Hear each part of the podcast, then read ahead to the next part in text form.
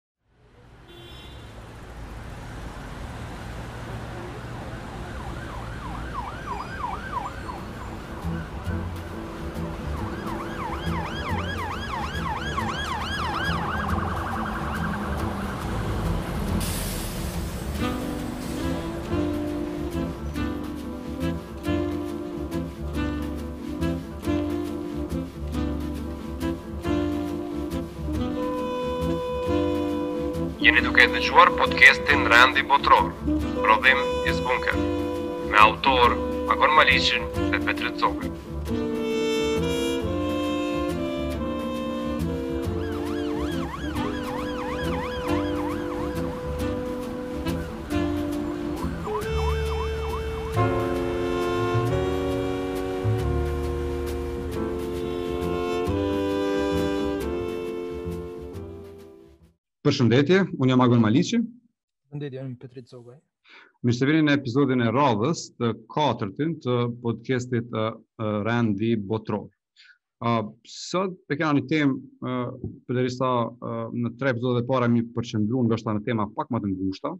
do të thotë uh, i pari për uh, çështjet e BE-së, i dyti për çështjen e Rusisë, i treti kryesisht për djathtën ekstreme dhe Evropën lindore.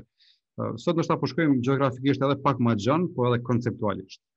Me neve sonte është Vjosa Musliu, profesoreshë në Universitetin Vraje, Vrije, po, në Bruksel. Vjosa, mirë se erdhe.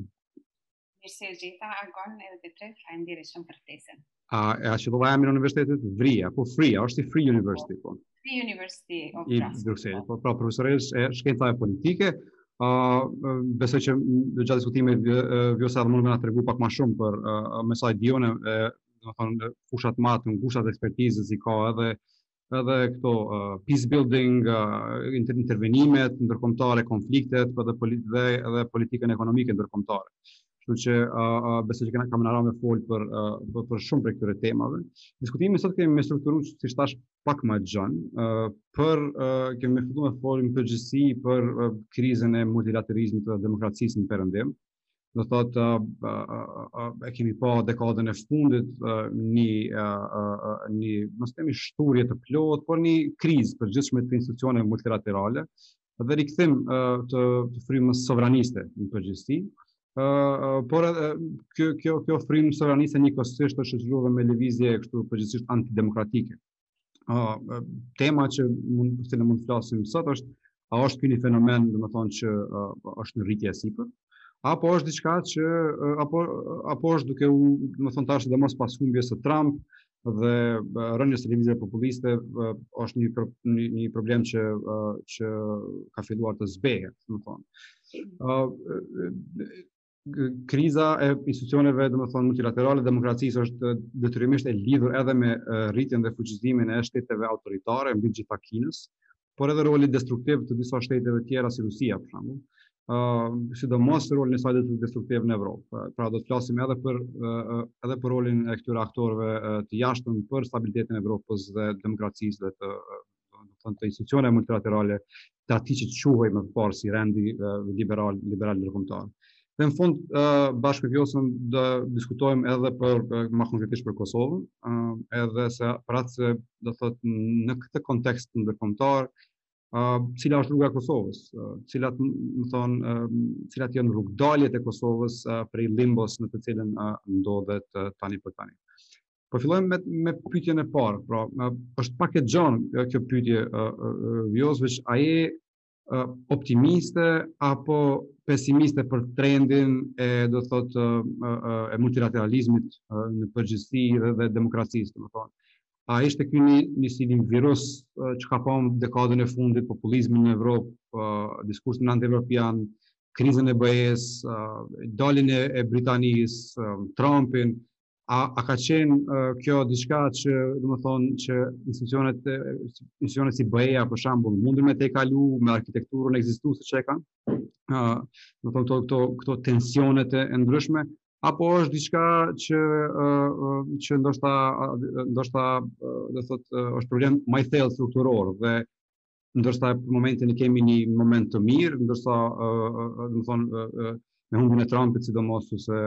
me, domethonë, rënien përgjithësisht e lëvizjes populiste në Evropë, por diçka që mund të rikthehet, për shkak se vet BE-ja ta zemë është e dizajnuar në atë formë që që i ka këto kontradikta që kanë me u shfaq pra. Uh, Faleminderit Agon. Është pyetje relativisht uh, e e gjerë, po besoj na na jep hapësirë mjaftueshme për me u për me u thellu me u thellu tutje.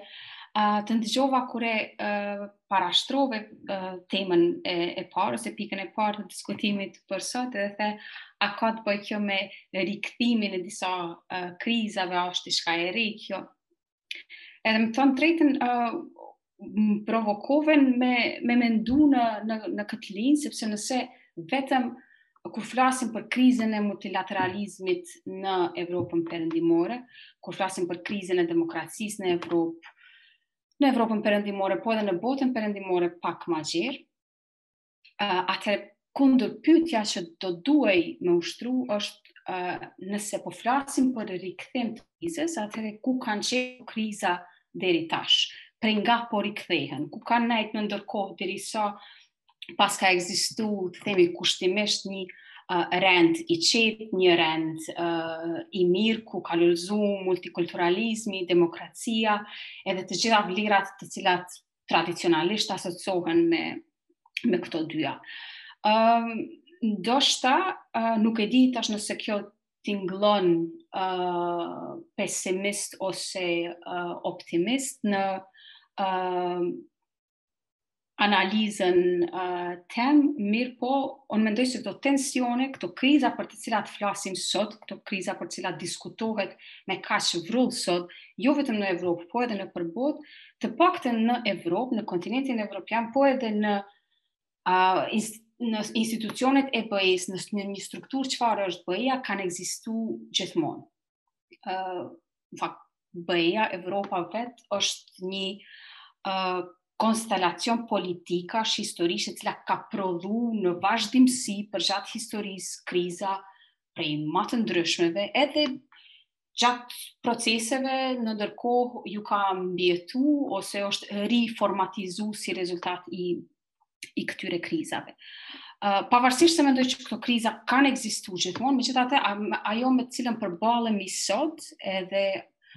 ajo të cilën du me vu theksin unë sot është se uh, si rezultat i cilave, i cilëve faktorë uh, flasim për një përshkallëzim të lëvizjeve autoritare nëpër Evropë, për ato që njihen si reactionary politics, sepse të gjitha këto uh, lëvizje reaksionare, lëvizje anti-establishment, të cilat i shohim uh, në këto vitet e fundit në Evropë, po edhe në botën uh, perëndimore më gjerë, jo detyrimisht vijnë vetëm prej partive tradicionalisht të djathta, le të themi, por ka po. ka një farë përzierje të ideve edhe të lëvizjeve se si po uh, protestohet kundër sistemeve të cilat janë bu. Edhe mendoj që një pikë kryesore a nyje kryesore në këtë në këtë diskutim është uh, ajo çfarë ka ndodh me përzierjen e nocionit të demokracisë me neoliberalizmin, pra flasim uh, nuk arrijmë t'i ndajmë njanën prej tjetrës, kur flasim për demokraci uh, vazhdimisht e mendojmë atë si demokraci neoliberale, pak a shumë uh, të mirëvendosur nëpër vendet e Evropës perëndimore me intensitete komplet të ndryshme dhe me trajektore komplet të ndryshme për shembull në SHBA ose në Suedi ose në, në vendet e Ulëta apo Francë, por megjithatë ka ndodh një farë përzierje e këtyre dy termave. Uh, si rezultat pastaj i krizave financiare të cilat i kemi pas në 10-vjeçarin e fundit, në Evropë, krizave ekonomike, mos ta harrojmë të vë theksin edhe në krizat morale nëpër të cilat ka kalu bashkimi evropian në 10 vitet e fundit, si rezultat kryesisht i krizës me refugjat, po edhe një diskurs i kogja uh, mirë organizuar kundër faktorit të huaj, pra kushdo që konsiderohet i huaj nëpër këto hemisfera,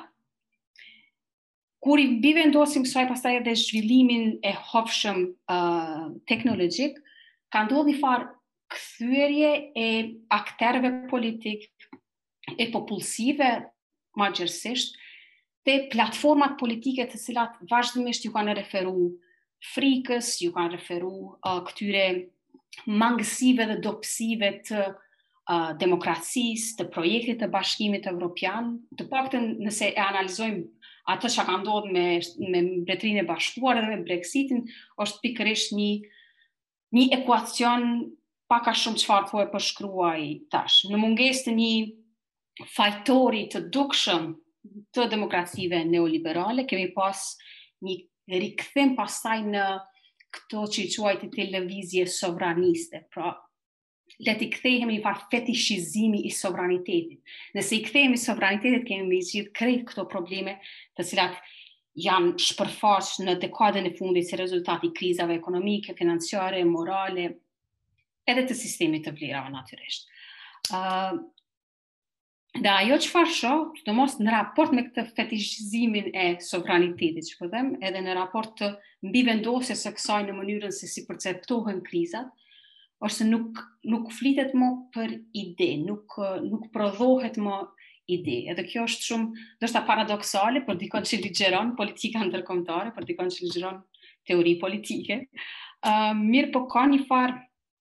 ka një farë diskursi i cili vazhdimisht gjithnjë më shumë anon kah diskurse të cilat i mbivendosen frikrave, uh, dobësive, mangësive të sistemit uh, dhe një farë fetishizimi pra të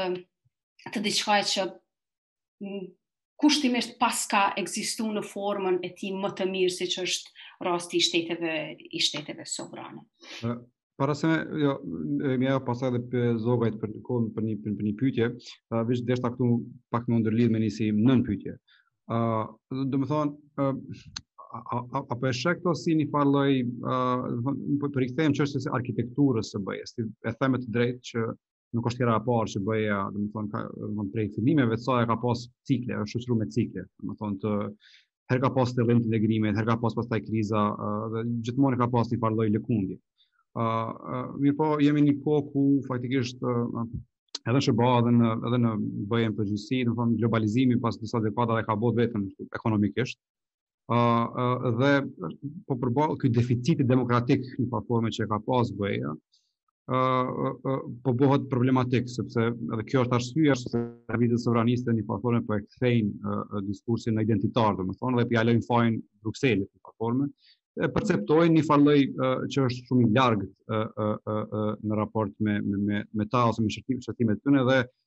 platforme e kanë kthy politikën te shtetet kombe, që të fillimisht që të fitojnë në nivel të shtetit, edhe mandej përmes shtetit e, e, e n'një forme e, e, e kanë blloku BE-në, dhe kjo duket për shambull në faktin që Këshilli i Evropës e ka marrë të shpeshën kryesore, shtetet antare po bëhen gjithmonë ma problematike dhe kundërshtuse ndaj komisionit, ndaj, ndaj parlamentit. Uh, pra, është, është ky elementi i deficitit demokratik. Dhe e dyta, a, a po e sheh problem faktin e identitetit evropian dhe dobsinë, dobsisë së identitetit evropian, domethënë, pas gjithë këtyre dekadave, që, domethënë, megjithatë nuk e ka fitu një farë lloj, sepse për me funksionu një projekt i tillë si BE-ja, megjithatë i kërkohet një nivel minimum një farë minimumi i identitetit, që me siguru së një solidaritet, ta zomë, sepse në fund të fundit për po bëhet kjo ndamja veri jug, ku ta zomë në Greqi, ose në Itali, gjithmonë e ma shumë po ndihen po të frustrum, me, me faktin që po imponohen politika që i vijnë kryesisht nga, nga veriu, dhe nuk pa po ekziston kjo kjo lloj, kjo lloj ideja që e solidaritetit në nivel evropian, dhe prandaj po kërkohet një farë forme që me u që me u zbrit prapë në nivel të shteteve. A kështu a a a a a pajtohesh apo apo sheh diçka apo po sheh dinamikë tjetër në këtë drejtim? Ë, nashta po filloj me t'u përgjigj tu e marr pyetjen tënde prej uh, aty ku përfundove. Mm. Po flasim për BE-n ose po flasim për identitetin evropian, ë uh, është shumë me rëndësi me e me e kuptu uh, përgjigjen, jo veç timen, po të kujtdo, tu e marrë parasysh sa e fragmentume është Evropa, qoftë si kontinent, qoftë si uh, histori politike, qoftë si uh, sisteme të trashëgume që kanë vendet, 27 vendet e, e bashkimit evropian, prandaj kur flasim për krizat e Evropës, kur flasim për identitetin evropian, kur flasim për arkitekturën e Bashkimit Evropian si strukturë, duhet pas parasysh kush po flet edhe prej ku. Me fol për Evropën prej Brukselit, ose prej Dublinit, ose prej Budapestit, ose prej Athinës, janë uh, jo vetëm këndvështrime të ndryshme pse janë prej vendeve të ndryshme. Këto vende kanë qenë të ndikume në mënyrë shumë në mënyra shumë të ndryshme prej politikave edhe prej zhvillimeve të cilat bashkimi i ka bashkimi evropian i ka ndërmarr prej viteve të 50-ta e deri sot. Prandaj është e kam gjithmonë të rëndësishme me e potencu këtë uh, idenë që bashkimi evropian nuk guxon asnjëherë në asnjë lloj analize me u kuptu si si monolit. Po nëse kisha pa prej Brukselit, uh, si janë shpërfaq këto probleme edhe në çfarë dimensionesh është e përgatit nëse jo arkitektura e bashkimit evropian për me u përball me kriza, uh, prapseprap nëse i kthehem historisë nuk më duken këto krizat të cilat i kemi sot si uh, shumë të paprecedent ose të papara ndonjëherë në histori. Për shembull, uh, vetëm me ju referu, për shembull, uh, po marr rastin e Austrisë në vitin 2001, kur partia popullore vjen në pushtet, Jörg Haider vjen në, uh, në pushtet me një retorikë komplet antisemite, komplet anti-evropiane, komplet anti, uh, anti-të huajve, anti-refugjatëve, Edhe Bashkimi Evropian për herë të parë në atë kohë vendoset para një dileme kaq të madhe qysh me reagu tash ndaj një vendi sovran siç është Austria, por megjithatë është vend i Bashkimit Evropian. Edhe ndaj këtij rezultati të zgjedhjeve, i cili ishte aspak i favorshëm për politikat e Bashkimit Evropian, po ashtu dërgojke edhe një mesazh krejt tjetër te vendet përreth. Edhe ishte edhe kjo ideja uh, sa ndikim do të ketë ky rast i po themi kushtimisht në atë kohë izolum në Austri për vendet e tjera. Dhe dilema të tilla ka pas gjithmonë në, në vazhdimësi uh, përgjatë proceseve nëpër të cilat ka kalu bashkimi evropian. Nëse iu kthemi edhe literaturës le, uh, të, të themi kështu ma akademike, gjithmonë ka pas asi tituj librash monumental në fushën e studimeve evropiane të cilat kanë kanë diskutu a është ky fundi i bashkimit evropian, ose kriza e thellë, ose kriza e madhe, edhe kom pa edhe tituj tashmë uh, të shumë të ngjashëm në raport me krizën të cilën po e përjetojmë në këto vitet e fundit, posaçërisht, uh, edhe tash. Mirëpo duhet kuptu Vetëm ndryshimi në në formë uh, edhe në intensitet të cilin po e përjetojmë tash pa anashkalu këtu edhe zhvillimin uh, teknologjik. Por megjithatë, në substancë, mu më duket sikur uh, kemi një uh, përsëritje deri diku të problemeve të cilat megjithatë janë probleme të cilat e bëjnë bashkimin evropian atë që është, janë problemet e cilat e bëjnë Evropën sido edhe në çfarëdo forme që e definojmë, ato e bëjnë këta këto që është. Pra nuk mundemi me paramendu Evropën si vend pa këto kontradikta, pa këto paradokse, pa këto specters që kish me i thonë Marx ose ma vonë Derrida ose ma vonë, ma vonë tjerë. Pra është një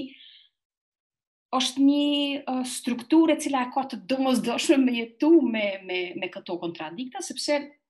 konstelacioni politik edhe sociologjik edhe i popullsisë popullsive të ndryshme evropiane është i atillë si nuk mundet nuk mundet me mbjetu pa pa kriza. Mirëpo, në të njëjtën kohë flitet vazhdimisht se kemi krizë identitare, jo vetëm në Evropë, jo vetëm në vendet e Bashkimit Evropian, por ka ka diskutime edhe për një krizë ma të thellë të ë uh, të rendit botëror në në përgjithësi me atë që ti me ti e nise në fillim. Kriza jo detyrimisht është e keqe. Uh, kriza jo detyrimisht është uh, kërcënuese në vetvete. Uh, kriza është edhe një mundësi e mirë për të ridefinu, për të riformatizu uh, qoftë institucione, qoftë praktika politike, qoftë praktika qeverise, në mënyrë që të vazhdohet tutje tu përballë me gjithçka që nxjerr e nesërmja në këtë rast edhe sotmja edhe e po pajtohna po, po pajtohna me me me kush që me kush që nuk bën domethënë kriza nuk ka përcjellë kërcënime të sigurisë edhe këtu ja kisha lënë pak z. Zogajt ë në pyetjen e radhës po po jo sapo e e vë theksin që këto kriza kanë ekzistu edhe më heret, mm. po uh, ndoshta uh, edhe më heret kanë, kanë ekzistu, do të thotë edhe shtetet që kanë qenë, thue se uh, autoritare janë, janë bërë pjesë e bashkimit Europian, kemi parasysh, do të të, uh, ose post-autoritare, uh, kemi parasysh Greqia, Spanja, uh, do të thotë shtetet të cilat uh, kanë pas problem me demokracinë, edhe me demokracinë liberale të të viteve 70-ta dhe 80-ta. A po përsëris se a, ka pasur kriza, mirëpo a a sheh që është shumë më e frikshme ose debati i sotëm është shumë më i frikshëm um, për këtë për këtë krizën, do të thotë aktuale që po vazhdon brenda BE-s, uh, për faktin që uh, të paktën në 4 vitet e fundit, një sponsor i kryesor të i rendit liberal pas luftës dytë botërore, këtë SHBA-ja ka qenë goxha shumë uh, me mesazhe të të të ndryshme në raport me demokracinë, ndoshta me të drejtat e njeriut uh, dhe me me rritjen e një lloj patriotizmi ose nacionalizmi të cilin uh, presidenti Trump uh, nuk heziton të ta thoshte disa herë uh, publikisht. Pra, meqenëse kanë qenë ato kriza në, në vitet që thashë, gjashtëdhjeta dhe tetëdhjeta, SHBA-ja në atë kohë është parë si një demokraci me gjithë problemet e brendshme, më stabile dhe që po favorizon ose po mbështet një, një rend liberal në, në, në Evropën Perëndimore në atë kohë. Ndërsa tash, uh, me daljen e, e, e Britanisë së Madhe nga nga BE-ja që është rast i paprecedent, pra nuk kishte një shtet paraprakisht që ishte pjesa e BE-së dhe doli, ë dalja e Britanisë së Madhe dhe ky lloj destabilizimi i demokracisë në në Amerikë mhm. a i jep më shumë hapësirë lëvizjeve sovraniste që po i quan Agoni ose edhe lëvizjeve të tjera të krahut të djathtë që ta ta establishojnë shumë mirë në fakt uh, retorikën e tyne dhe të mos ketë kthim prapa, pra uh, të mos ketë kthim prapa, e kam, e, kam fjalën të, të kohës kur demokracitë në, në, në Evropën Perëndimore kanë qenë goxha shumë kështu stabile dhe është edhe është ditur se kah po shkon BE-ja ta zëmë nëse flasim për vitin 2000 vitet 2000-ta e këtej deri në vitin 2010 e kemi parë shumë e kemi pasur shumë të qartë se cilat janë qëllimet e BE-së dhe një farë lloj uniteti kryesisht stabil ndërkohë që tash e shohim që është është pra a është a ekziston pse është frika më e madhe në këtë kohë për një lloj stabiliteti politik brenda BE-së ose një lloj kohezioni politik brenda BE-së dhe për vetë demokracinë dhe të drejtat e njeriut E kuptoj. Ë uh, për dallim uh, e thashë më herët që krizat kanë ekzistu edhe edhe më përpara. Mirëpo, për mendimin tem, për dallim prej krizave të maparshme, uh, unë e shoh BE-në në këtë moment uh, të paqartë rreth uh, rreth asaj se në një a duhet dal prej këtyre krizave edhe e as më pak se si. Pra nuk e di as a ka dëshirë për me dal prej krizave uh, e as më pak as vizion se si me me me dal prej uh, prej krizave. Kur po them as dëshirë, uh, ndoshta tingëllon kështu shumë uh,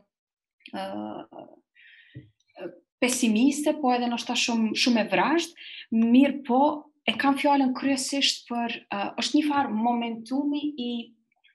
uh, i përçudnuar kështu uh, uh, me u shpreh, uh, dhe ka të bëjë edhe me këto lëvizjet të cilat kanë ndodhë brenda Bashkimit Evropian, pra lëvizjet për referendum brenda vendeve të Bashkimit Evropian, kur kemi rastin e Skocisë, rastin e referendumit në në Spanjë, uh, pastaj kjo shpërfaqja e mungesës së solidaritetit e ka e ka nda Evropën në në, pak a shumë në dy hemisfera qartësisht të ndara. Edhe ai ai ajo ndarje vazhdon të jetë edhe sot e kësaj dite pjesë e e atyre që quhen mental frameworks, jo vetëm të teknokratëve në Bashkimin Evropian, po edhe të studentëve të cilët i takoj për çdo ditë, edhe është pjesë e narrativës në në debatet publike gjithashtu. Pastaj këto lëvizjet autoritare të cilat i kemi pa kryesisht në vendet si Polonia, Hungaria, edhe në Slovaki, e kanë përforcu tutje këtë ndarjen e dikurshme, e cila ka qenë ndarje pak a shumë e fundviteve të nëntëdhjeta, ndërmjet të lindjes edhe perëndimit, pra kemi një fragmentizim tjetër të Bashkimit Evropian. Dhe mu po m'duket që strukturat e BE-së në këtë moment kur është përforcu kaq shumë roli dhe ndikimi i këshillit, pra vendet anëtare janë pak a shumë duke e përcaktu se si uh, bëhen gjërat edhe janë vendet anëtare edhe si ato e uh, e kushtëzojnë në një formë ose në një tjetër, qoftë parlamentin, qoftë uh, Komisionin Evropian, po më duket sikur kanë kanë gjet një farë rahatie, BE-ja ka gjet një farë rahatie të parehatshme në këtë pikë të krizës edhe për momentin ose nuk ka dëshirë me dalë prej krizës, ose nuk ka as uh, nuk ka nuk ka një narrativ tjetër, një paramendim tjetër, pra një një, uh, një fantazi për veten se si mund të jetë Bashkimi Evropian, kontinenti evropian pas uh, pas këtyre krizave. Pra, Vjosa vetëm ndërkohë një pyetje, a uh, si akademike, si njeri që uh, je në kontakt edhe me me studentë, po edhe me me profesorë, a imagjinohet sepse dimë historikisht ka pasur alianca, ka pasur uh, koncerte të ndryshme evropiane, uh, ka pasur uh, konstelacione të ndryshme mes shteteve, ndërsa jo në nuk kanë qenë në formën e BE-s, po kanë qenë gjithmonë uh, marrëdhëniet, mes shteteve alianca të, të ndryshme. Po a imagjinohet që meqë nuk po e përmendim, sepse as Agoni nuk e në skript nuk e ka përmend shumë, a imagjinohet që BE-ja si e tillë, pra siç e njohim tash, uh, një ditë mos t'jetë, thjesht uh, një ditë të këto lëvizje sovraniste, do të thotë këto uh, lëvizje uh, populiste ndoshta në një pjesë të Evropës, ta ta çojnë deri në në atë pikë BE-në që thjesht të të mos jetë në këtë formën se si e njohim tash. Pra a a imagjinohet nga nga këndi i, i shkencës politike, a imagjinohet që një ditë Evropën që e kemi tash, ekonomike dhe politike, të mos ta kemi pas një periudhe. A, a, a ka këtë guxim uh, uh, pjesa e akademikëve kryesisht, po edhe ndoshta e politikanëve, po a kanë këtë guxim me, me, me, me ia shtru vetes këtë pyetje, që ndoshta edhe mund të mos ta kemi Evropën Bashkimin Europian, siç e kemi tash. Uh, unë kisha në fakt të uh, pikën e uh, imagjin, domethënë të paramenduarit të Bashkimit Evropian si një strukturë e cila më nuk ekziston, për pikën e tretë kur do të flasim për Kosovën dhe po shpresoj se do t'i kthehem prapë kësaj. Mirëpo, ë uh, nuk e di nëse në kjo përgjigje është uh, e drejtpërdrejtë në në pyetjen që që sapo e bëre ti, po për shembull, um, lejomë me ta me ta përshkru pak a shumë situatën uh, si e kom pa në këto 5 vitet e fundit. E shoh një gjeneratë të re, domethënë ata studentë të cilët vijnë uh, vit pas viti, uh, të cilët janë uh, kryekëput të preokupuar me problemet e ambientit. Domethënë, studentët uh, edhe po flas për Brukselin, ku ka studentë prej të gjitha vendeve evropiane, uh, preokupim kryesor i tyre janë problemet e ambientit, problemet e fair trade, problemet e korporatave madhore, të drejtat e punëtorëve në uh, atë që njihet si Global South. Uh, nuk i vrej shumë të preokupum ose shumë të uh, të apasionum, ashtu si tradicionalisht kanë qenë studentët te shkenca politike, të marrëdhënieve ndërkombëtare me çështjet e sigurisë, me Kinën, me Rusinë, me gjeopolitikën. Arsyeja është shumë e thjeshtë. Janë kriju 2-3 gjenerata si rezultat i projektit të Bashkimit Evropian, të cilat janë gjenerata që nuk kanë kurrfarë mbamendje as trupore, as mendore, uh, të kufijve, të marrjes me punë administrative, transferimit të krediteve prej një shteti në shtetin tjetër, domethënë janë rritë dhe janë zhvillu si individë deri në moshën 23-4 vjeçare, në një strukturë siç është Bashkimi Evropian, ku me qindra, aq shumë lehtësira administrative ta lehtësojnë jetën. Uh, për ta, këto diskutimet sovraniste të cilët mande i shofim aq shumë të përhapura në një pjesë tjetër e popullatës brenda vendeve të Bashkimit Europian, mande unë e vrej që po ka fillu në ndërkohë me u bo një farë ndarje e madhe ndërmjet gjeneratave të cilat nuk kanë mbamendje të njëjtë për vendet ku jetojnë, për bashkimin evropian, për sistemin ku jetojnë, për demokracinë. Uh, dhe gjenerata e re, për mendimin tim, është shumë ma pak e predispozume me e mendu fundin e bashkimit evropian, jo për ndonjë arsye tjetër, përveç për uh, lehtësinë të cilën mund ta japë dikush si bashkimi evropian, në raport me luftën kundër degradimit ambient, ambiental i cili ndodh në botë edhe gjatë kohës kur po flasim. Po vjesa, kjo është, më fal se po kjo është rasti i mirë tash me u kthy te, të, kjo tema e dytë, pak a shumë te kërcënimet që i vijnë veç BE-së, po në përgjithësi demokracisë në botë prej uh, aktorëve autoritarë si Kina dhe Rusia, edhe kjo që e the për uh, brezin e ri, Po pajtohem, është fenomen gjithandej në perëndim, sidomos në rrethet e studentëve, rrethe më të majta, ku faktikisht ambienti, të drejtat e njeriut e këto janë bo si, si shqetësim kryesor dhe padyshim këto temat e sigurisë kanë ra në në në rend të dytë, domethonë pa dashtë me, me gjyku kët lloj asi botëkuptimi, po megjithatë duket që perëndimi ka kap një lloj një farë rahatie më e madhe se ç'duhet. um, dhe për shkak se do thot edhe edhe kjo po shihet edhe me një farë lloj mungese të interesimit ose të ose të vëmendjes për kërcënimin faktikisht që BE-së pikësëpari ia bën Rusia por edhe kërcënimin që e përbën Kina, do thot një shtet i cili i cili para syve të botës n'ditë t'sodit faktikisht po e bën gjenocidin më të madh ndaj ujgurëve për shembull dhe kjo temë nuk figuron lart në agjendën e askujt, do thotë edhe edhe ndërkohë Kina po e shtrin gjithmonë e më shumë ndikimin ekonomik në BE, domethonë është më e qetë dhe më më pak e, e, e aktive se se Rusia më më më pak destruktive për momentin, domethonë nuk është nuk e ka atë rolin e, e, e zhurmaxhisë shumë të madh, Ëm, por megjithatë me kalimin e kohës, pa dyshim ky është të paktën gjykimi im, ka për të përbërë, domethënë natyra e regjimit në Kinë, natyra e regjimit në Rusi, dhe mjetet që i kanë në dispozicion, do thotë, megjithatë i përbëjnë një farë lloj rreziku. A, a, a, a po t'duket edhe ty që në përgjithësi Evropa është pak si më e fjetur ndaj këtij kërcënimi, edhe po ndihet pak si shumë komode në këtë, qysh po thotë këtë në këtë rahatinë, të cilën e ka ka ka kriju Bashkimi Evropian për mirëqenie, për për domethënë për për atë jetë, domethënë që brez pas brezi dhe kjo humbje e mbamendjes që e përmende. Mhm. Mhm. Ëh, është ëh pajtohem me me me uh, komplet pasqyrën që që sapo e bëni uh, Agon edhe uh, pika kyçe ndoshta në në këtë diskutim është edhe një farë uh, një farë krijimi i një situate ku uh, Bashkimi Evropian Evropa në përgjithësi është është ndi pavarësisht krizave, ndoshta për shkak të krizave, ka kriju një farë, kështu një farë sikur uh, vakumi përreth vetes, edhe nuk, uh,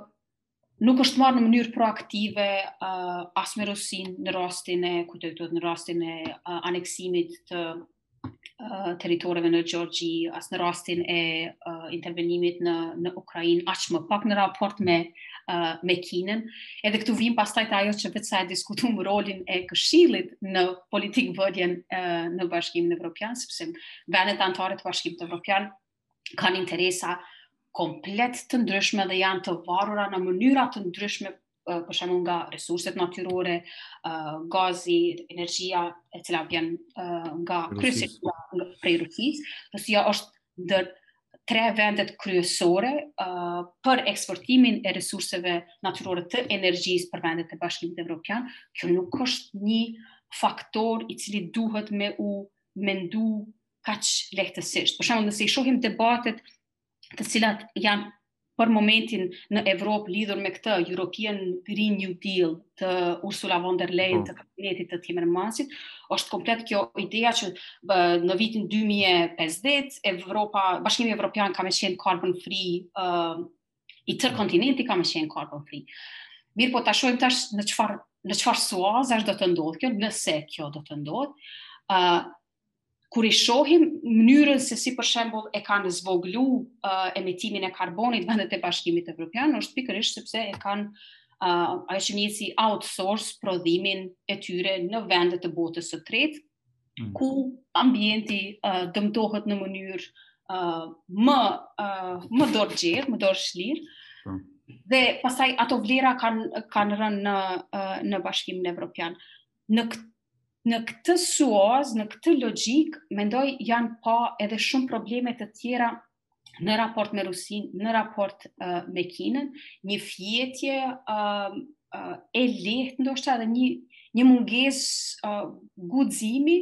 për t'u përballë jo vetëm me Rusinë edhe me Kinën, por për t'pas edhe një uh, qasje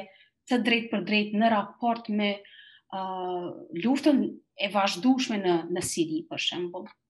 kur e kur e kujtojmë se sa proaktive kanë qenë vendet vendet individuale Turqia, uh, Rusia, Shtetet e Bashkuara të Amerikës,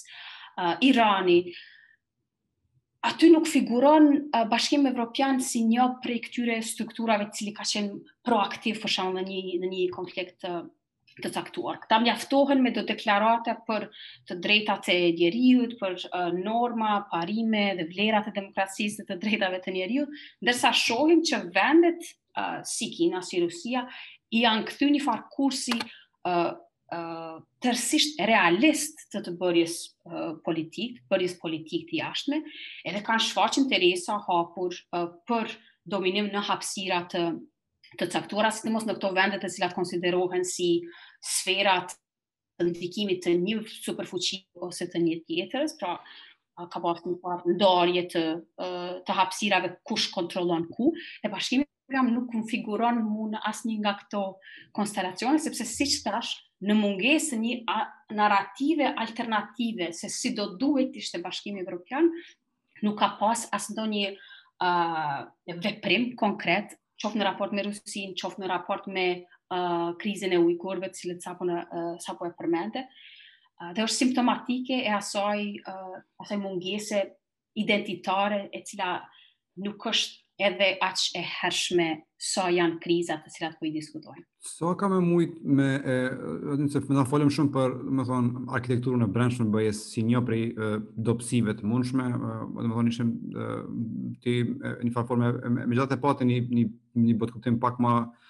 optimist në kuptimin që the janë fenomene, në, domethënë, cikle të natyrshme historike, BE-ja ka, ka mbjetu të gjitha dhe dhe diku dhe unë pajtohem, domethënë, megjithatë ka një farë resilience e, e, institucioni. Mirëpo, kjo pika e sigurisë Mu më duket ndoshta pjesa më e dobët. E tha edhe vet, shtetet anëtare megjithatë politikat e politika e jashtme e ndjekin interesat kryesisht nacionale. Ëh uh, dhe uh, përballë rreziqeve të ndryshme, domethënë jemi ndodhemi në një moment ku uh, i gjithë brezi kufitar lindor i i i BE-s, po edhe ai jugor në Mesdhe, Janë diku nja dhjetë vatra të ndryshme krize. Një prej këtyre krizave, ajo e Sirisë para disa vjetësh e prodhoi valën ma të madhe të refugjatëve, e cila mandej u kthy në problem për vetë BE-në, domethënë rritja e populizmit edhe gjithë këto. A, a ka me mujt BE-ja, domethënë pa qenë lojtar i sigurisë, pa qenë pa qenë e aftë, me kriju një farë uniteti, që të paktën këtë pjesën e kufirit vet ta menaxhoj vet, do të thon a, a, a mundet ta bëj këtë pjesë pa pa SHBA-t për shembull, edhe edhe a mund të sa është i qëndrueshëm projekti nëse është kaq lehtë i destabilizueshëm ë ë prej Rusisë, ë prej Kinës edhe prej gjithë atyre autokratëve në Lindjen e Mesme. Do thot për mu personalisht këtu buron arsyeja kryesore e skepticizmit, edhe edhe nuk po shoh mënyrë se si ai solidaritet evropian që ka filluar me ekzistu në shumë fusha, për shembull, buxheti i BE-s shpërndahet rreth në shumë, për shembull, bujqësi, në shumë tema të ndryshme. Në politikë të jashtme vazhdon me dominu një farë lloj një farë botëkuptimi i shteteve kombe si si si si monopol që kanë monopol mbi mhm. politikën e jashtme dhe dhe interesi kombëtar vazhdon me qenë apo duket ty që ky është kërcënimi ndoshta kryesor i i BE-s? Uh, po, në një masë të madhe,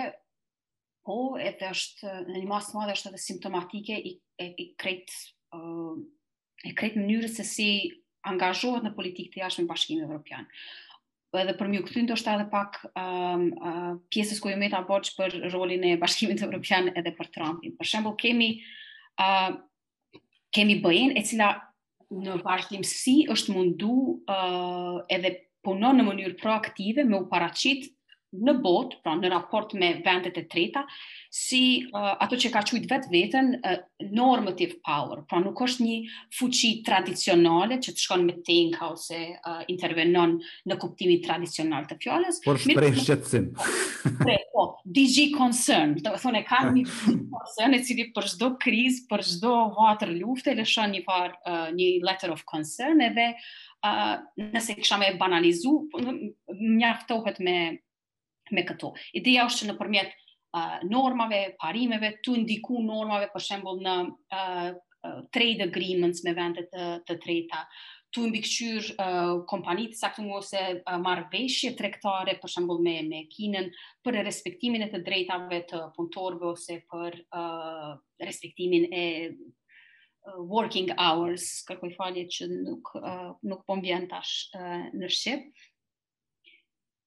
është kjo anë e BE-së se si don me e paraqit veten. Mirëpo në të njëjtën kohë, BE-ja, sidomos politika e jashtme, është kryekëput e organizuar edhe e drejtuar nga shtetet anëtare, të cilat kanë interesa nacionale, edhe janë në këshill për të përfaqësu interesat e shteteve prej nga vijnë. Edhe shpeshherë, sidomos në politikë të jashtme, dhe andaj pajtohem me në analizën tonë të agon, se këtu gjithmonë prevalon uh, prevalon interesi uh, sovran, interesat shtetërore para interesave të Bashkimit Evropian. Dhe shohim se ka gjithmonë një kontradikt, domethënë ti ke një ke Bashkimin Evropian i cili në emër të BE-së flet për norma dhe parime kur ju drejtohet krizave ose vendeve të përfshira në konflikt, dhe pastaj ti ki vende anëtare të Bashkimit Evropian, të cilat angazhohen personalisht uh, me uh, fuqitë e veta ushtarake për të intervenuar në vende të caktuara. Ju kujtoj këtu rastin e intervenimit të Francës në Mali për shembull. Sa është një diskordancë totale ndërmjet të Francës si shtet uh, sovran dhe Francës si shtet antar uh, në Bashkimin Evropian. Pra, edhe kjo kontradikt sikur vazhdon me funksionu në një formë ose në një tjetër, edhe është pjesë përbërëse e krejt këti, krejt kësaj arkitekture të çuditshme ndonjëherë të të Bashkimit Evropian. E tash në mungesë të një uh, të një presidenti uh, uh, tjetër në prezencë të gjatë mandatit të presidentit Trump, kur është pa uh, çfarë politikash janë ndërmarrë në vazhdimësi në emër të, të shtëpisë së bardhë, mendoj që ka dalë shumë ma shumë në pah kjo uh, kjo pjesë, kjo anë kaq e vakt uh, e Bashkimit Evropian në raport me çështje të sigurisë, sepse gjithmonë me gjasë pse ka funksionuar që BE-ja e ka luajt kartën, e ka luajt shumë mirë në fakt kartën e shpërfaqjes së vetes si një fuqi normative, ose si një fuqi jo tradicionale, sepse në ndërkohë ka qenë dikush në shtëpinë e bardhë, i cili ka qenë shumë i përafërt me vizionin dhe me politikat e jashtme uh, të demokracive të vendeve të Bashkimit Evropian dhe të Bashkimit Evropian. Në rastin kur Trump erdhi në pushtet, kjo ky binom nuk funksionoi më dhe doli në pah sa e dobët është BE-ja e vetme pa SHBA-n në çështje të sigurisë. Po, um, Vjosa, ka ndodhur uh, në fakt dy lëvizje ndoshta uh, ekonomike ose edhe të sigurisë. E para është një iniciativë, nëse nuk gaboj, e vitit 2015, e Three Seas Initiative, kështu diçka ku është një një ide e një uh, zgjerimit ose ndërtimit të një infrastrukture që do t'i lidhte uh, shtetet baltike, Poloninë, shtetet e Evropës uh, uh, lindore, Rumaninë dhe deri në Kroaci, pra do t'i lidhte të tri detet, ashtu ta quajmë, e cila i cili është një farloj uh, e, e cila është një farloj iniciative amerikane kryesisht për të ndërtuar një rrip aty uh, lindor përballë Rusisë. A uh, kjo ka ndodhur pra pas uh, pas asaj që ka ndodhur në në Ukrainë në vitin 2014, pra ishte si një dhe së fundi në Kongresin Amerikan është miratuar një rezolutë që e mbështet një projekt të tillë, pra që uh, SHBA-ja ka një shqetësim uh, sigurinë dhe uh, ndikimin do thotë rus në këtë pjesë dhe për këtë qëllim i kanë ndërmarrë disa hapa ku janë projekte do thotë miliardëshe. Uh, kjo është njëra pjesë, a uh, pjesa tjetër është ku SHBA um, është fokusuar me me trupa në pjesë në në, në këtë rrip të Evropës Lindore. A uh, dhe është njëkohësisht një lloj uh, invazioni kinez, ta quajmë ashtu, uh, ekonomik, tregtar. Së fundi e kemi parë uh, që Bashkimi Evropian si organizatë ka arritur një marrëveshje, ka nënshkruar një marrëveshje me Kinën. Uh, përballë këtyre uh, tre tre aktorëve kryesorë në Evropë, uh, edhe pas këtyre 4 viteve, pas kësaj historisë 4 vjeçare të të qasjes të Trump Trumpit ose të presidencës Trump në Evropë, si e sheh energjinë evropiane karshi SHBA-s. Pra, në njërën anë ka trupa në Gjermani, në Rumani, në shtetet tjera, SHBA-ja për të garantuar një lloj sigurie, është aktori kryesor në NATO, ku pjesa kryesore e shteteve të Bashkimit Evropian janë në NATO. Në anën tjetër, Bashkimi Evropian ka një varësi energjike të energjisë, të va, energjetike ndaj Rusisë dhe uh, ka një marrëveshje së fundi tregtare me Kinën. Pra, si e sheh BE-në se si do të sillet tash në në kuadër të të këtij uh, të këtij uh, të kësaj gare shumë të madhe në mes të Kinës dhe dhe Shtetet Bashkuara të Amerikës për ta për ta pasur një relacion tjetër me BE-në. Pra si shihet nga ana BE-së si mund të shihet kjo nga ana BE-së uh, uh, që uh, SHBA-ja i garanton një lloj sigurie, uh, por uh, njëkohësisht uh, Kina është pa, uh, partneri kryesor tregtar uh, me me BE-në aktualisht. Dhe për më, do të thotë për me shtu ndoshta se si do të duket kjo në vetë funksionimin e demokracive liberale brenda BE-së. Pra, ky raporti mhm. kjo varësia e vazhdueshme tregtare me me me Kinën si si do çfarë energjish do të ngjallë tek demokracitë që janë me tash jo edhe aq stabile, do të thotë shtetet e Evropës Lindore, Poloni, ky rripi poshtë Hungari, çfarë mhm. Ëm ka dallim të të dukshëm në mënyrën se si funksionojnë si akter në politikën e jashtme Bashkimi Evropian edhe edhe SHBA-ja, për dallim prej SHBA-ve, cila është gjithmonë proaktive, drejtpërdrejt, shpeshherë partizane në, në veprimet e saj, Bashkimi Evropian në politikën e jashtme është komplet e kundërta, është një, uh, në anën e, e kundërt të, të ekuacionit për shkak të konstelacionit, për shkak të arkitekturës uh, së Bashkimit Evropian, uh, dhe shpesh herë jo, uh, jo me vetë uh, jo me vetëdëshirë, pra në, në shumicën e këtyre rasteve të cilat i përmende ti në raport me sigurinë, në raport me Kinën, uh, BE-ja vazhdon me i mëshu uh, narrativës uh, së vet për për për normativ për, për për faktin se është një fuqi normative, sepse në fakt nuk ka ndonjë fuqi tjetër përpos fuqisë diskursive me të cilën shpreson me uh, uh, me ndiku në në vende në vende të treta. Po, rasti i fundit ishte problemet mes Greqisë dhe Turqisë, do të thotë mhm. kontestet detare atje ku BE-ja ishte goxha shumë kështu ë uh, jo e zëshme, ishte mhm. me disa deklarata, po jo edhe ë uh, jo edhe aq e fuqishme për të parandaluar një ë uh, një përplasje potenciale. Po është uh, ashtu është është shumë interesant sa sa pak debat për shembull ka pas në raport, sidomos në raport me krizën uh, greko-turke së fundmi, sa sa pak debat ka pas edhe vetë në në Bruksel, edhe jo vetëm si qendër e Bashkimit Evropian, por edhe si uh, Belgjika është po ashtu vend uh, në cilin gjendet uh, shtabi kryesor i, i NATO-s për, për Evropë, pra është ma afër, është në SHAPE. Dhe sa pak debat ka pas në raport me, me këto kriza, që është besoj indikative e, e, e atyre se çfarë konsiderohen prioritete ose çfarë konsiderohen debate për, për Bashkimin Evropian. Kur e them, ka, ka një farë uh, ka një farë fjetje, një farë, një farë ngushtimi, një vorbull krizash prej të cilave edhe nuk mund të dilet edhe nuk duan të, dil, të dalin. Pjesë e saj janë, janë edhe këto uh, përgjigje uh, shumë të fjetura, kisha me thanë, në raport me krizat të cilat janë uh, kriza në kuptimin uh, e mirëfilltë të fjalës, pra flasim për territore, flasim për uh, cënim të sovranitetit, flasim për cënim të sovranitetit të një vendi anëtar të Bashkimit Evropian. Uh,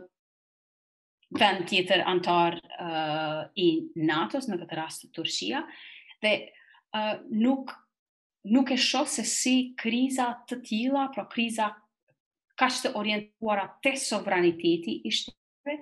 uh, sa shpejt depërtojnë në uh, arenat uh, e debatit brenda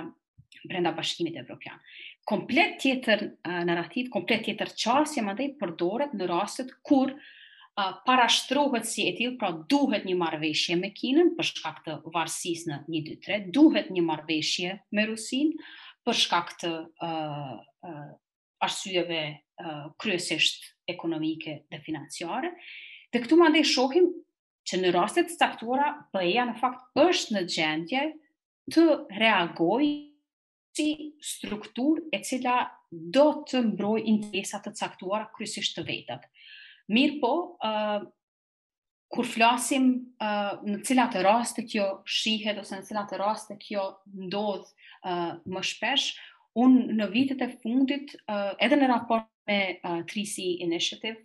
uh, edhe në raport me shtrirjen e ndikimit të Rusisë në vendet e uh, Afrikës, uh, atë njihet si Sub-Saharan Africa,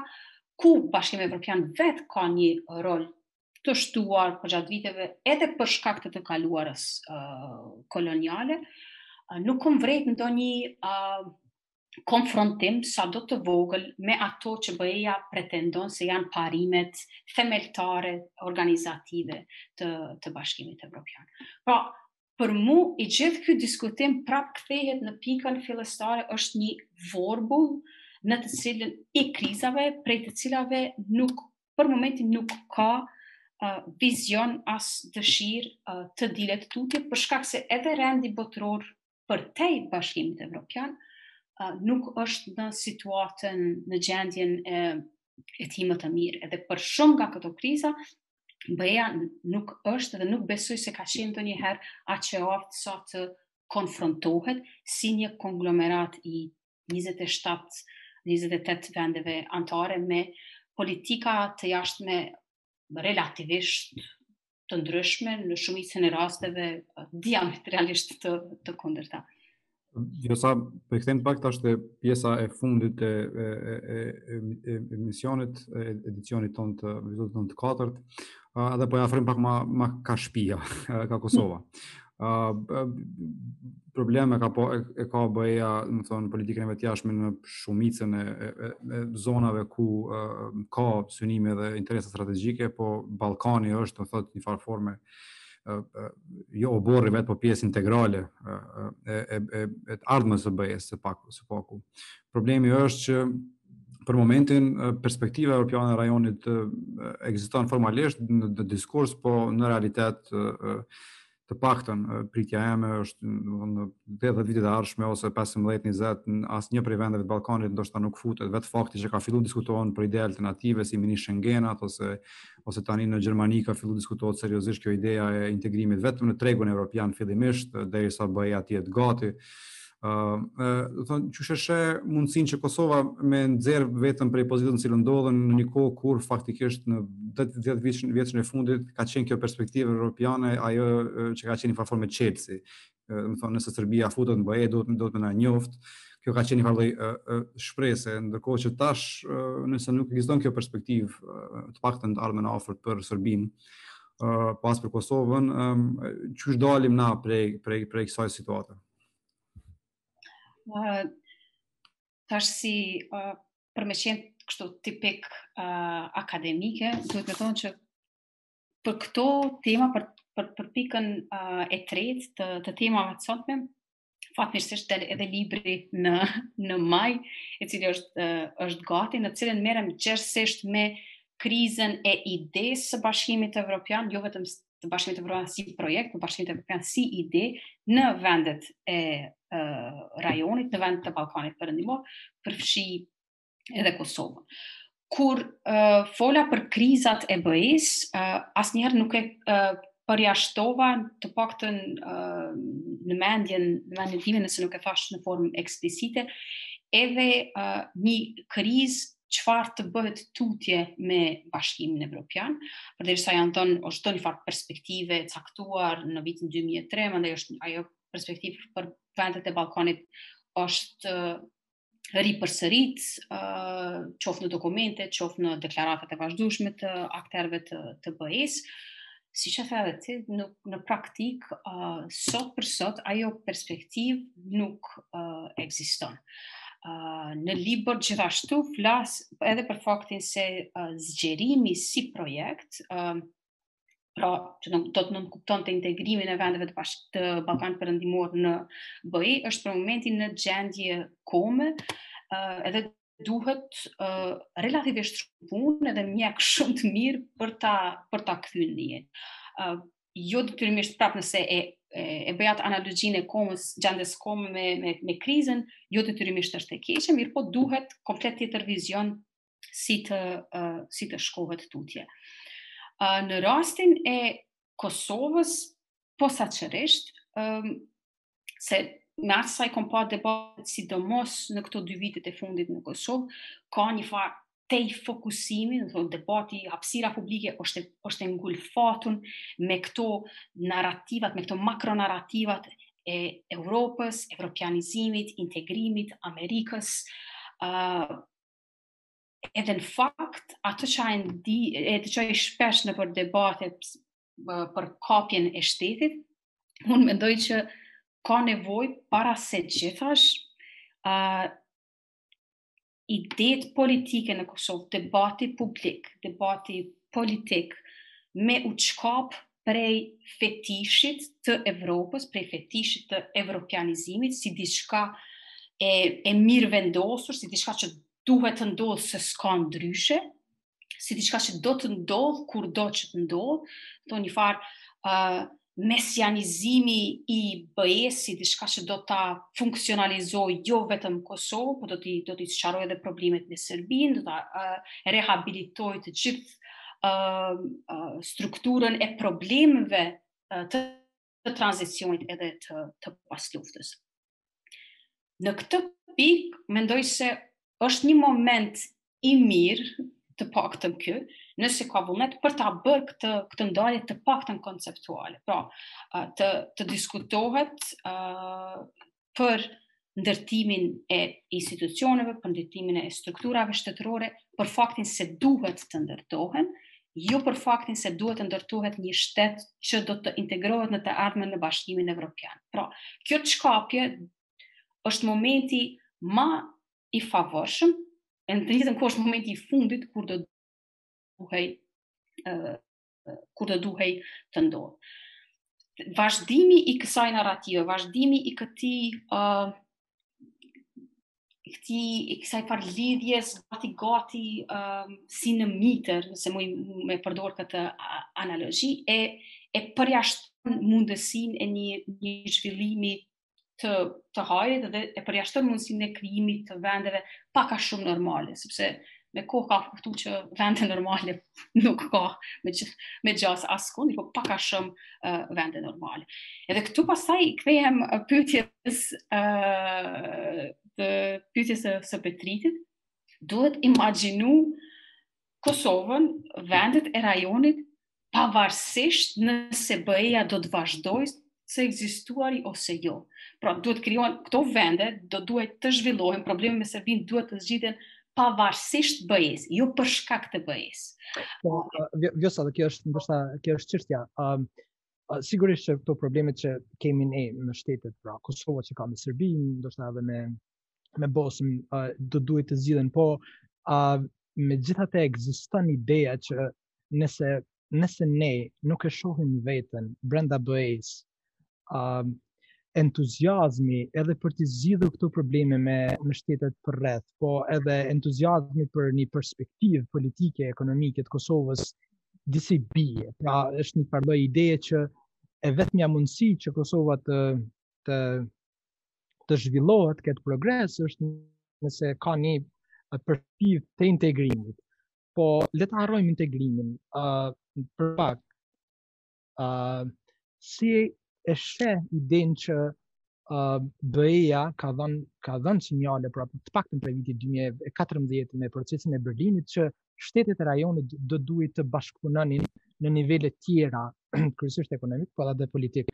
uh, përpara se të bëhen pjesë e BE-së. Mm. Pra, si e shef vetë idenë e projektit uh, e një shmeni Schengeni ose një lidhje më të fort ballkanike mes këtyre gjashtë shteteve që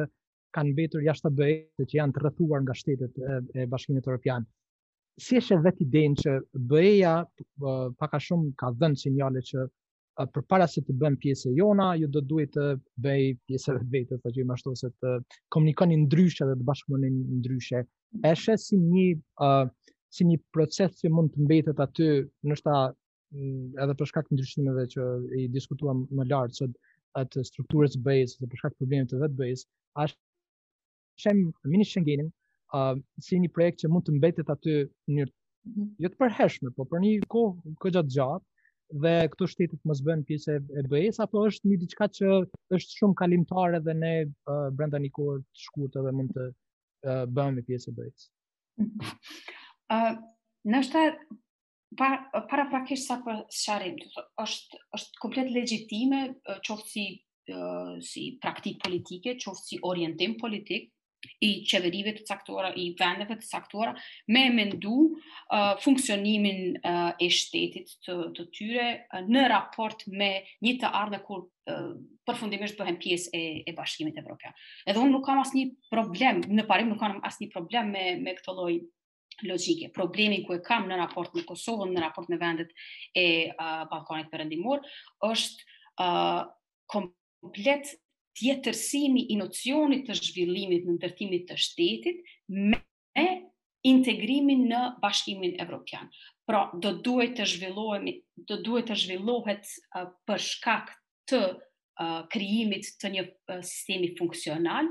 me qëllim që të bëhemi pjesë e kësaj aleance për ku na përkojnë interesat, uh, jemi afër gjeografikisht, politikisht uh, e tjera. Në raport me pastaj me me krijimin e uh, mini Schengenit, uh, me përshkallëzimin tu gjithë kritereve për uh, t'u bërë anëtar të bashkimit evropian, të cilin e përmende ti. Mendoj se kjo është pjesë përbërëse e kësaj krize në të cilën gjendet BE-ja, çka të bëhet tutje, ku të, ku të ndalohet zgjerimi tutje i bashkimit evropian, sepse logjikisht nuk ka kuptim të ndalohet në, në Kroaci, Çështja është si të vazhdohet tutje, kur dhe në çfarë kushtesh, ë uh, në saje të kësaj krizës, pastaj uh, është kriju edhe do të vazhdojnë të krijohen kështu lloj modelesh, uh, ide për mini Schengen, ide për uh, integrim ekonomik, sepse para se gjithash BE-ja nuk është në gjendje të mendojë një projekt afatgjatë ose të ta vazhdojë tutje uh, uh, premtimin uh, e saj të dhënë në uh, samitin e Selanik, samitin e Zagrebit, uh, in, integrimin e vendeve të bashkimit e, të Ballkanit Perëndimor në Bashkim Evropian dhe derisa BE-ja të këndellet, derisa të BE-ja të merret me krizat e veta dhe të fillojë të mendojë çfarë bëhet me vendet e Bashkimit Evropian, në ndërkohë thotë ju krijoni uh, hapësira të tjera të bashkëpunimit, zgjidhni probleme të tjera, a thua se këto probleme nuk paskan ekzistu në 20 vitet e kaluara, kur është folur në vazhdimësi për e, integrim në bashkimin evropian. Në një pikëpamje pak më uh, gjithëpërfshirëse, mendoj se kjo është po ashtu pjesë përbërëse këto lloj taktikash për uh, të shtyrë tutje në kohë dhe në teknikalitete çështjen e integrimit janë gjithashtu të lidhura me nocionin uh, dhe me uh, uh, me me botëkuptimet e Bashkimit Evropian dhe botës perëndimore në raport me vendet uh, e rajonit të cilat megjithatë vazhdojnë të shihen si gjysëm evropian ose jo gati për të qenë evropian me kohë të plotë, uh, jo evropian të mjaftueshëm për arsye të ndryshme qoftë në raport me uh, fenë, qoftë në raport me sistemet e, e dobëta të qeverisjes dhe sistemet e dobëta drejtuese brenda në këto shtete. Pra unë nuk mund ta ndaj prej një diskursi shumë më të gjerë në raport me atë që njihet si balkanization, si uh, diskurs i cili vazhdimisht i portretizon dhe i mbivendos mbiemra të caktuar, vendeve të cilat mbesin jashtë bashkimit evropian si uh, jo të gatshëm për t'u konsideruar evropian, sepse uh, kështu parashtrohet pastaj kjo si uh, një titull i cili duhet të fitohet, i cili duhet të uh, të merret në një garë të caktuar, uh, dhe vendet të cilat kanë mbetur jashtë bashkimit evropian janë qartazi uh, vendet të cilat nuk janë të gatshme për të qenë evropian me kohë të plotë. Atëherë Vjosa, uh, meqë erdhëm edhe deri në fund faktikisht të kohës për, uh, për këtë episod, uh, nëse kisha mujtë disi me përmbledh pak a shumë uh, këtë artikulim tëndin, tëndin të shkëlqyshëm sot me, me falendëru ma s'pari për uh, për që more pjesë uh, ishe uh, përgjithsisht uh, jo optimiste, po ma shumë besim be, e ndaje besimin se uh, BE-ja si institucion edhe kjo arkitektura e vet është ma e qëndrueshme se ç'mendohet prej krizave momentale. Uh, uh, por uh, gjithashtu e ndave mendimin se si aktor i sigurisë operon me një farë lloj inercioni dhe nuk është uh, uh, efektiv sa duhet as për të mirën e vet uh, dhe në fund as efektiv sa duhet uh, domethënë edhe në fund të krijon një farë lloj mungese të vetë imagjinatës një farë forme për të dalë prej,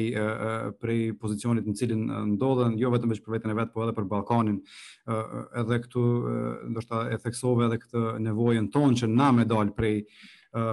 prej, prej këtyne kornizave të mendimit, po me, me zmadhu vetë imagjinatën tonë, me mendu përtej, atij diskursit të, domethënë, të thellun në diskursin integre të integrimeve. Ë, uh, kështu që uh, të falenderoj shumë për kohën, ë uh, në uh, uh, emën edhe të Petritit, ë uh, edhe nëse kishe pas qejf me thonë naj fjalë të fundit. Faleminderit shumë uh, të dy juve. Ndoshta nuk e di nëse uh, nëse isha ka shumë uh, shpres, uh, shpresëplotë, nëse mhm. është fjala e, e duhur në raport me uh, atë se BE-ja mund t'i dalë uh, në krye krizave, krizave të veta. Um, nuk e di edhe unë nëse jam uh, 100% e sigurt në këtë, mirëpo, ajo çfarë dua t'i mëshoj uh, është se në krizë, kriza jo detyrimisht është e, e keqe, edhe varet uh, varet nga nga ë uh, të imagjinuarit mundësisë për me imagjinu një rend tjetër në Evropë ose në botë, dhe çfarë mund të bëhet me me këto kriza. Po në vetvete edhe këto që po i kalojmë nuk janë as të mira, as të këqija, do të varet shumë çfarë vullneti ka brenda në BE, nëse do të ketë vullnet për të dalë prej tyre si një strukturë, le të themi, kushtimisht më e mirë.